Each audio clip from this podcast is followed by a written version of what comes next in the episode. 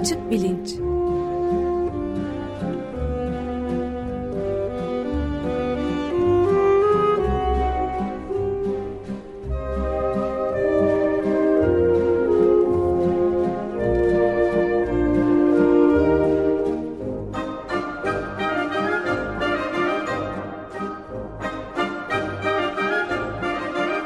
Güven Güzeldere ile bilim ve felsefe sohbetleri. Günaydın Güven Bey, merhabalar. Günaydın Ömer Bey. Günaydın. Günaydın Özdeş. Evet, felsefe meselelerini birazcık daha konuşmaya devam ediyoruz herhalde. Evet, felsefede işte analizin öneminden falan e, bahsetmiştik. Bugün de aslında bunun bir örneğini e, bir konuya odaklanarak e, verebiliriz belki diye düşündüm. Konumuz en genel hatlarıyla dini inanç ile ahlak e, ilişkisi. E, bunlar ikisi genellikle bir arada gidiyorlar. Hatta galiba lisede din ve ahlak bilgisi filan gibi bir ders evet. var diye hatırlıyorum ikisi birlikte. Ama ikisi birlikte gitmek zorunda mı değil mi filan bu felsefede, din felsefesinde özellikle çok konuşulan bir konudur.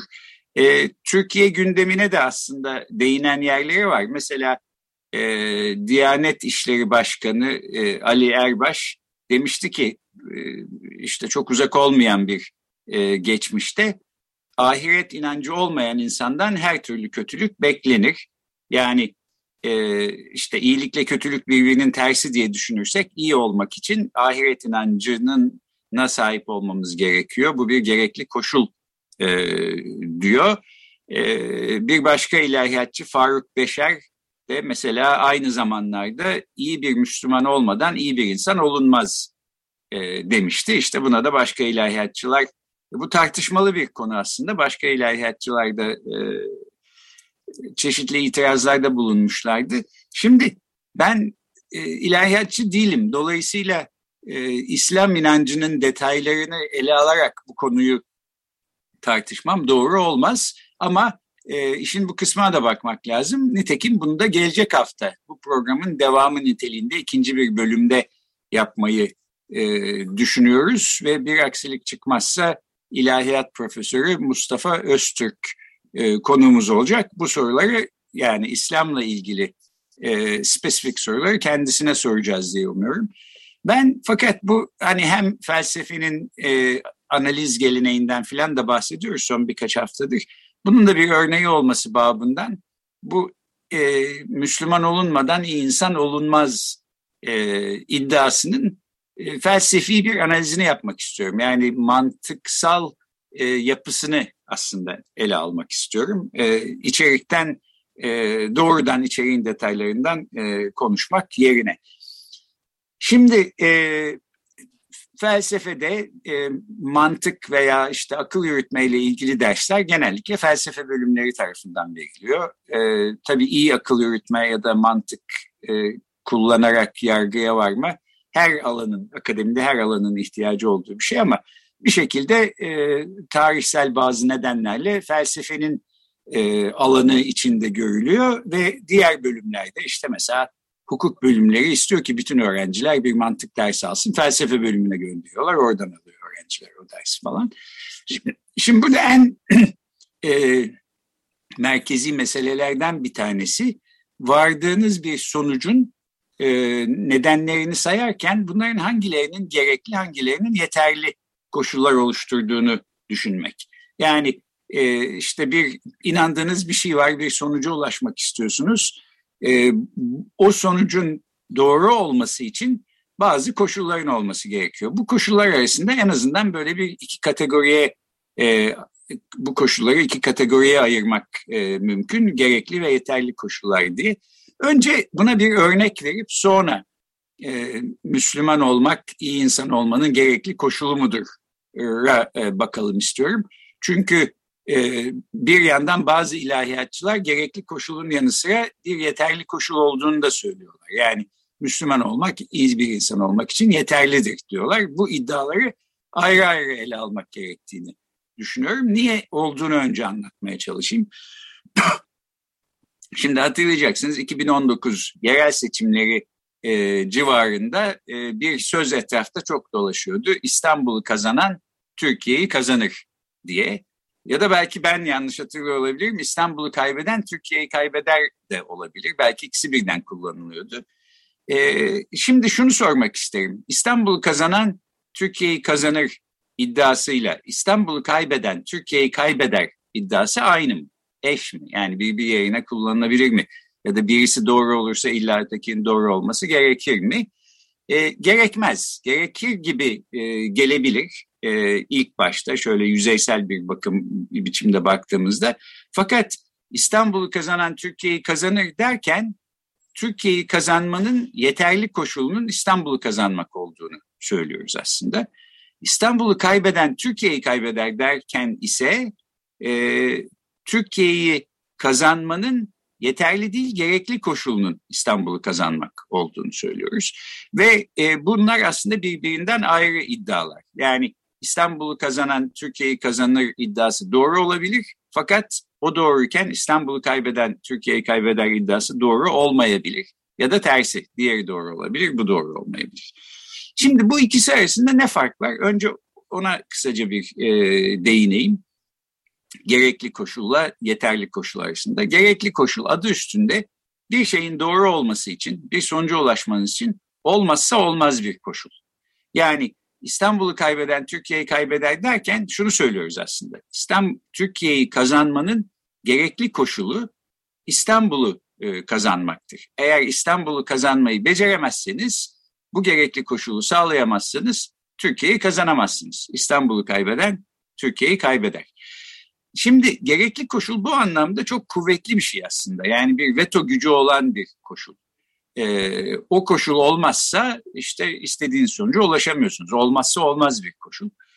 Öte yandan gerekli koşul yeterliliği sağlamıyor. Yani İstanbul'u kaybeden Türkiye'yi kaybeder diyoruz.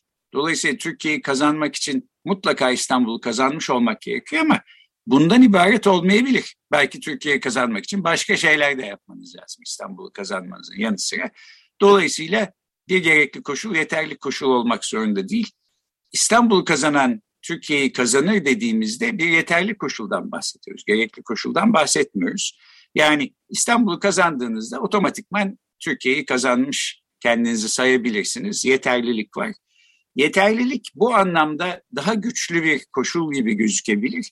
Fakat onun da şöyle bir e, başka tarafı var. E, yeterli koşul aynı zamanda gerekli olmadığı için pek çok yeterli koşul size aynı sonuca götürebilir. Yani İstanbul'u kazanan Türkiye'yi kazanır diyoruz. Buna inanabilirsiniz ama aynı zamanda mesela Ankara, İzmir ve Bursa'yı kazanan Türkiye'yi kazanır iddiasına da inanabilirsiniz. Bunun ikisi de doğru olabilir. Yani ya İstanbul kazanacaksınız ya Ankara, İstanbul, Ankara, İzmir, Bursa'yı kazanacaksınız. Bu da doğru olabilir. Burada bir veto edici olmazsa olmaz bir koşuldan bahsetmiyoruz. Genel çerçeve böyle. Şimdi bunu tabii uzun boylu anlatmak için işte bir mantık dersinde bir sömestr e, bir şeyler aktarmak lazım filan. Onu e, yapmayacağım haliyle e, bazı önemli belki olabilecek e, daha ince detayları da geçerek e, konuya e, getireyim asıl konumuza. Yani e, iyi insan olmak için Müslüman olmak e, gerekir iddiasını. Bu bir gerekli koşul iddiası. Yani Müslüman değilseniz iyi insan olamazsınız diyor. E, ilginç bir şekilde bu din felsefesinde çok kullanılan bir iddia. Yani yalnız e, Müslümanların öne sürdüğü bir iddia değil. Hristiyanlar da bunu öne sürüyor, başka dine mensup insanlar da öne sürüyorlar. E, burada tabii e, şöyle bir e, durum da var. E, bu, bu iddia aynı zamanda mesela Hristiyanlarda bazı kesimlerinde çok sık görülen misyonerliğin de en merkezi, en temel motive edici faktörü olarak da kullanılıyor. Çünkü iyi bir insan olmanın ötesinde e, dini inanca, belli bir dine inanca sahip olmak işte sizi ahirette cennet yaşamına götürecek. Buna inanıyorsanız e, sizinle aynı dini inancı paylaşmayan insanların hepsinin cehenneme gideceğine inanıyor olabilirsiniz. Böyle bir grup e, köktenci Hristiyan var mesela sürekli yazıp çiziyorlar bu konularda filan. E şimdi o zaman e, üstünüzde ciddi bir sorumluluk var diye de düşünebilirsiniz. Yani insanların inancını değiştirebilirseniz onları sonsuza kadar güzel bir yaşamma e, yöneltmiş olacaksınız. Değiştirmediğiniz zaman aslında bunun sorumluluğunu alıyorsunuz. Bana ne diyorsunuz? Ve bu insanlar sonsuza kadar cehennem dayanacak falan. Böyle düşünülüyorsa yani bir tür dini inanca sahip olmak, işte iyi insan olmanın ve ahiretin ve cennetin şunun bunun e, gerekli koşulu gibi düşünülüyorsa evet bu gerekli koşulu o zaman sağlamak insanların bu inanca sahip olmasını e, e, neden olmak için elinden geleni yapmak filan e, bir tür e, sorumluluk haline, vicdani sorumluluk haline geliyor. Misyonerler de genellikle bu tür e, gerekçeler gösteriyorlar kendi e, misyonerlik iddialarına.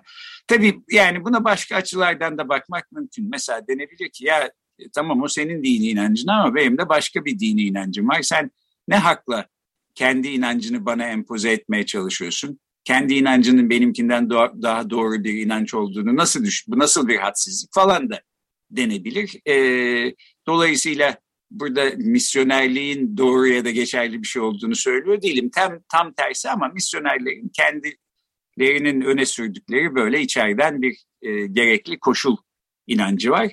Yani Diyanet İşleri Başkanı'nın söylediği şey aslında başka ağızlarda başka dinler için de sıkça söylenen bir şey. İşte iyi bir Hristiyan olmazsanız iyi bir insan olamazsınız. İyi bir Müslüman olmazsanız iyi bir insan olamazsınız. Çünkü dini inanç iyi ahlaklılığın bir gerekli koşuludur. E, genel e, olarak e, iddia bu. E, yeterli koşul açısından da bakmadan önce en sonda şunu söyleyeyim. Şimdi bir gerekli koşulun, e, gerekli koşul içeren bir iddianın doğru olup olmadığını nasıl yargılayacağız? Mesela örneklerle olabilir. Yani İstanbul'u kaybeden Türkiye'yi kaybeder diyoruz. Değil mi? Orada İstanbul'u kazanmak, Türkiye'yi kazanmanın gerekli koşu olmazsa olmazı. Ama bakıyoruz tarihte pek çok örneği var. İstanbul'u kaybetmiş işte bir siyasi parti ama Türkiye'yi kazanmış seçimlerde. E, öyleyse demek ki bu doğru değildir diyebiliriz. Benzer şekilde de iyi bir Müslüman olmayan e, kişi iyi bir insan olamaz iddiasına karşı e şöyle biraz etrafa baktık. Müslüman olmayan ama iyi insan olan kimse yok mu? Diyelim var. Bir sürü insan bulduk. Yani bir kere İslam inancı işte e, ortaya çıkmadan önce e, yani 5. yüzyıl ve daha öncesinde e, insanlar yaşıyorlar. Orada hiç iyi insan yok muydu diye sorabiliriz. Ya da günümüzde Müslüman olmayan işte başka bir dine mensup ya da Tanrı tanımaz olan ama çok iyi diye niteleyebileceğimiz insanlar yok mu? Varsa eğer demek ki Müslümanlığın iyi insan olmak için bir gerekli koşul, bir olmazsa olmaz koşul olduğu iddiasına e, inanmamamız gerekiyor. E, peki şunu o zaman sorabiliriz. E, Diyanet İşleri Başkanı bu ülkenin yani işte din işlerinden sorumlu en önemli ve çok büyük bir bütçeye sahip olan bir kurumunun başkanı niye böyle bir söz söyledi? Niye böyle ya da bugün niye böyle bir söz söyleme ihtiyacı hissetti? Bu da tabii işi sosyolojik ve antropolojik açıdan ele almayı gerektiriyor. Bunu da e, antropolog Ayşe Çavdar'la yapacağımızı daha ileriki bir programda umuyorum. E, Diyanet İşleri Başkanlığı üstüne de aslında yeni çıkmış bir kitap var. E, Biz Her Şeyiz diye gazeteci Burcu Karakaş'ın onu da bir programda konuk edeceğimi umuyorum. Bunların hepsi açık bilinçte olmayabilir. E, bir kısmı Türkiye gündemine özel programlar, konular olduğu için vakayinamede belki yaparız ama bir açık bilinçle vakayinameyi bu şekilde koordine edebiliriz e, diye umuyorum. Önümüzdeki haftalar bu tartışmayla geçecek yani. Evet burada tabii bir e, başka ayrım daha da söz konusu olabilir. Yani Diyanet İşleri Başkanı'nın e, davranışlarını söylediklerini falan gündeme getirirken aslında felsefi değil sadece bir de siyasal boyutunun olduğunu konuşmak lazım. Yani Diyanet İşleri Başkanlığı özellikle siyasal fonksiyonlar gör, görüyor giderek artan bir şekilde ve burada da belki de aslında e, siyasi İslam'dan e, bahsetmek gerekiyor.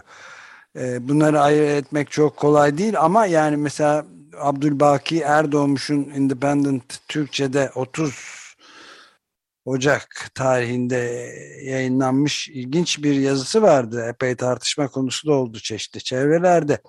İslamcılık taşra ideolojisi, ideolojisidir başlığıyla yazdığı. Yani genel olarak ideolojilerin modern çağın ürünleri olduğunu ve bu modern ideolojilerin başında da ulusçuluk ve milliyetçilik geldiğini ama onunla o bu ikisiyle birlikte e, bu coğrafyada özellikle derinden etkileyen ideolojilerden birinin de İslamcılık olduğunu söyledikten sonra İslamcılığın medeni bir toplum ideolojisi veya bir medeniyet projesi tırnak içinde olmadığını reaksiyoner yani gerici bir taşra ideolojisi olduğunu söylüyor.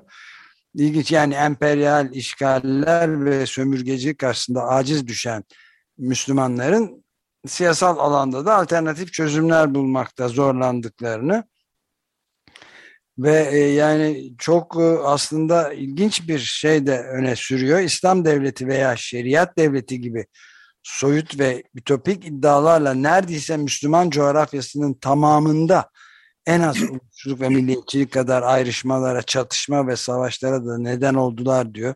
Şeyin adını vermiyor tabii yani bu IŞİD gibi kuruluşları e, ayrıntısına girmiyor ama yani siyasal, sosyal, hukuk, ekonomi, eğitim, kadın, etnik, dini ve inanç farklılıkları, eşitlik, barış ve adalet gibi alanlarda hiçbir gerçekçi projesi yok diyor siyasal İslamcılığın ve milliyetçilikle de harmanlandı ve tamamıyla bir yıkım projesine dönüştü diyor. Ve siyasal e, İslamcılığın taşıyıcıları da en başta politikacılar ve din adamları oldu diyor düzenbaz politikacılar ve yobaz din adamları sadece din tacirliği, din istismarı yapmakla kalmıyorlar. Politika taşeronluğu da yapıyorlar diyor. Yani bu bugün bu coğrafyada Orta Doğu'da ve Asya'ya doğru da uzanırken bugün yaşananların bir nedeni işgal sömürü ise öteki de siyasal İslamcılıktır diyor ve ortak nokta olarak da yağma, talan, yıkım ve kıyım diyor. Yani sonuç olarak bir de şey önemli bir şey söylüyor. Toplumu bugün itibariyle yani aklın, bilimin, hikmetin, hür düşüncenin, medeniyetin ışığından ve erdemden yoksun olduğumuz gibi Müslümanlar olarak İslam'ın evrensel rahmetini anlamaktan da çok uzak olduğumuzu bilmeliyiz diyor. Bu din meseleleriyle çok derinlemesine ilgilenen birisi kendisi. Yani toplumu suçlayarak, ayrıştırarak, ötekileştirerek, düşmanlaştırarak söz konusu tehdit ve tehlikeyi bertaraf etmek mümkün değildir diyor ve sonuç olarak da şu şeye bağlamış aydınlara, düşünürlere, münevver ilim adamlarına özellikle de makul siyaset adamlarına belki insanlarına düşen birlikte yaşamayı, çoğulculuğu, din ve vicdan hürriyetini, barışı, eşitlik ve adaleti, hukukun üstünlüğünü ve onurlu yurttaşlığı benimseyerek ve bunu içselleştirerek herkes ve her kesim için çözüm olarak sunmaktır diye de bitiriyor yazısını. Evet yani e, şuna en azından katılmamak mümkün değil. Diyanet İşleri Başkanı bir ilahiyat profesörü Ali Erbaş ama e, İslam inancına göre şu mu doğru bu mu doğru diye kendisini konuk alıp e, bu soruları ona sormak e, çok yersiz bir şey olacak. Çünkü bir siyasetin atadığı bir memur olarak davranıyor. Benim en azından izlenimim bu. Dolayısıyla konuyu e, bu tür siyasi e, bağlantıları olmayan e, gerçek ilahiyatçılardan öğrenmek daha doğru olacak diye düşünüyorum. Benim de daha önceki yıllarda gördüğüm bir independent e, yazısında yine başka ilahiyatçılar mesela bu e, Diyanet İşleri Başkanı'nın söylediklerine karşı e, tezler öne sürmüşler. Sayım Yeprem diye bir ilahiyat profesörü e, demiş ki e, dindar olmayan biri de çok ahlaklı olabilir. E, Hayri Kırbaşoğlu isimli bir e, ilahiyat, bir başka ilahiyat profesörü Müslüman olmadan çok iyi olan insanlar var e, demiş. Dolayısıyla bunun tartışmalı bir konu olduğunu görüyoruz. İslam inancı içinde nereye oturuyor? İşte Kur'an'ın tefsirine göre e, nasıl destekler e, alıyor, hangi argüman? Bunları gelecek hafta konuşacağız. E, ben bir tek şunu söylemek istiyorum. Bu şimdi yeterli koşul e, kısmından da kısaca bahsedeceğim ama ondan önce bu gerekli koşul e, meselesinde e, Ali Erbaş'ın söylediğinde yani İslam inancına uygun olabilir olmayabilir bu, bu, bu bir mesele. Ben hani mantıksal açıdan genel yapıyı incelemeye çalışıyorum ama bunun ötesinde bir de bence burada e, Diyanet İşleri Başkanı olduğu halde bu kişinin Müslümanlara büyük bir haksızlık ettiğini düşünüyorum. Ya da daha genel anlamda din, dindar insanlara, dini inancı olan insanlara. Çünkü diyor ki ahiret inancı olmayan insandan her türlü kötülük beklenir. Yani burada aslında örtük şöyle bir varsayım var biraz satırlarını okuyacak olursak. E, belli bir inanç sizi kötü olmaktan alıkoyuyor. Böyle ayağınızda pranga gibi sizi önlüyor. Bu inancınızı kaybetseniz bir şekilde ahiret inancınızı ya da Müslümandınız diyelim sonra fikir değiştirdiniz. Başka bir dine mensup oldunuz ya da dinsiz oldunuz, e, Tanrı tanımaz birisi oldunuz filan. O zaman her türlü kötülüğü yapabilecek bir insana döneceksiniz bir anda. Yani dini inanç sizi bir şekilde engelleyen, aslında kötü olan doğanızı böyle dizginleyen, e, kontrol altında tutan bir şey gibi. Bu tabii büyük bir haksızlık. Yani e, niye herkesin böyle kötü insanlar olduğunu ve dini inançlarını yitirseler anında işte böyle konu komşularını yağmalayıp e, ortalığı yıkıp yakıp e, herkesi öldürüp tecavüz edip bilmem ne öyle insanlar haline geleceklerini varsaymak bana e, büyük bir haksızlık gibi geliyor. Haksızlığın ötesinde de tabii yanlış aslında. Çünkü insan doğasında bence e, zaten daha derinlerden gelen ve insanı bu şekilde e, kötü olmaktan alıkoyan yani bazı işte e, psikopati gibi durumlardan e, durumlara maruz kalmadıysak bunların e, kıskacı altında değilsek ki işte pek çoğumuz değiliz. E, evet böyle yani kötülük yapmak için yanıp tutuşan ama e, ahiret inancımız ya da Tanrı korkumuz nedeniyle bunu yapamayan e, türde canlılar değiliz. Bu, bu bunu bir kere e, yani pek çok programda da pek çok şekilde söylemeye çalıştım ama burada yeniden bir e, altını çizmekte fayda görüyorum. En son bir de izninizle şunu söyleyeyim. Bu hep gerekli koşul kısmından konuştuk. Bir de yeterli koşul kısmı var. Yani İstanbul'u kazanan Türkiye'yi kazanır derken İstanbul'u kazanmak Türkiye'yi kazanmanın garantisi yeterli koşul e, demiştik.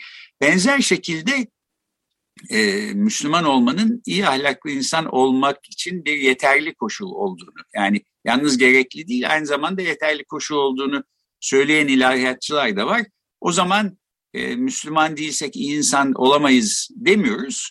Diyor ki Müslümansak otomatikman iyi insanız. E, bu da başka türlü tartışılması gereken bir e, mesele.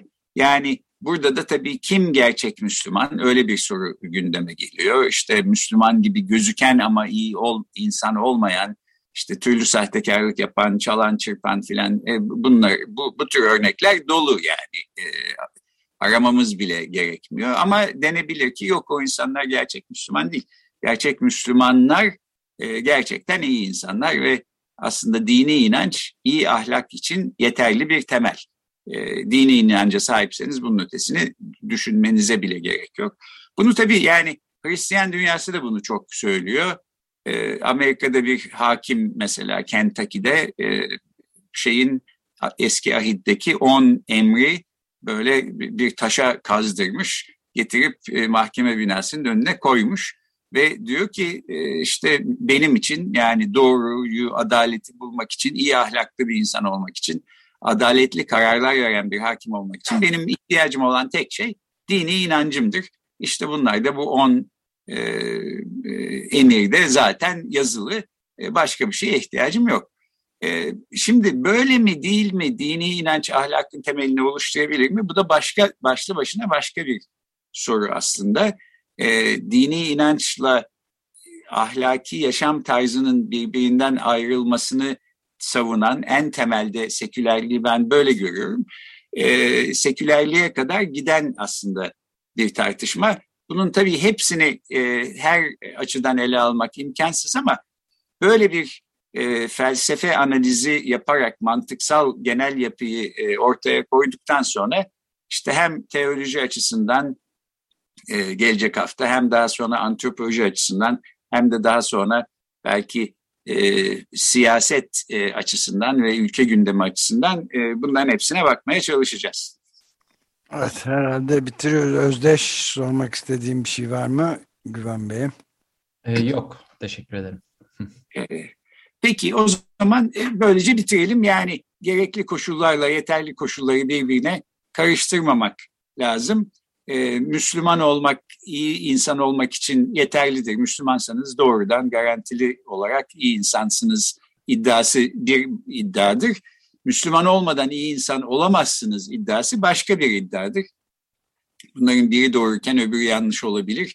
Birisi yeterli koşul, öteki gerekli koşul e, öne sürüyor. E, bunları ayrı ayrı görmekte, birbirine karıştırmamakta önem var diye düşünüyorum. E, bunu bu programda anlatmaya çalıştım. Haftaya bıraktığımız yerden devam edebiliriz. Peki, çok teşekkür ederiz. Burada Peki, ben, sona er, erdirebiliyoruz programı. Evet, öyle yapalım. Ben teşekkür ederim. Haftaya görüşmek üzere. Görüşmek üzere. Hoşçakalın. Hoşçakalın.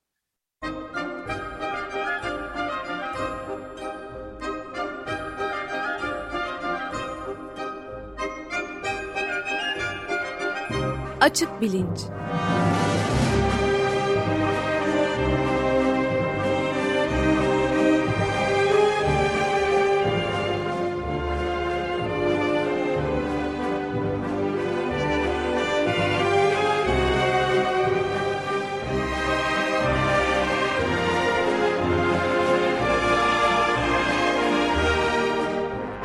Güven Güzeldere ile bilim ve felsefe sohbetleri.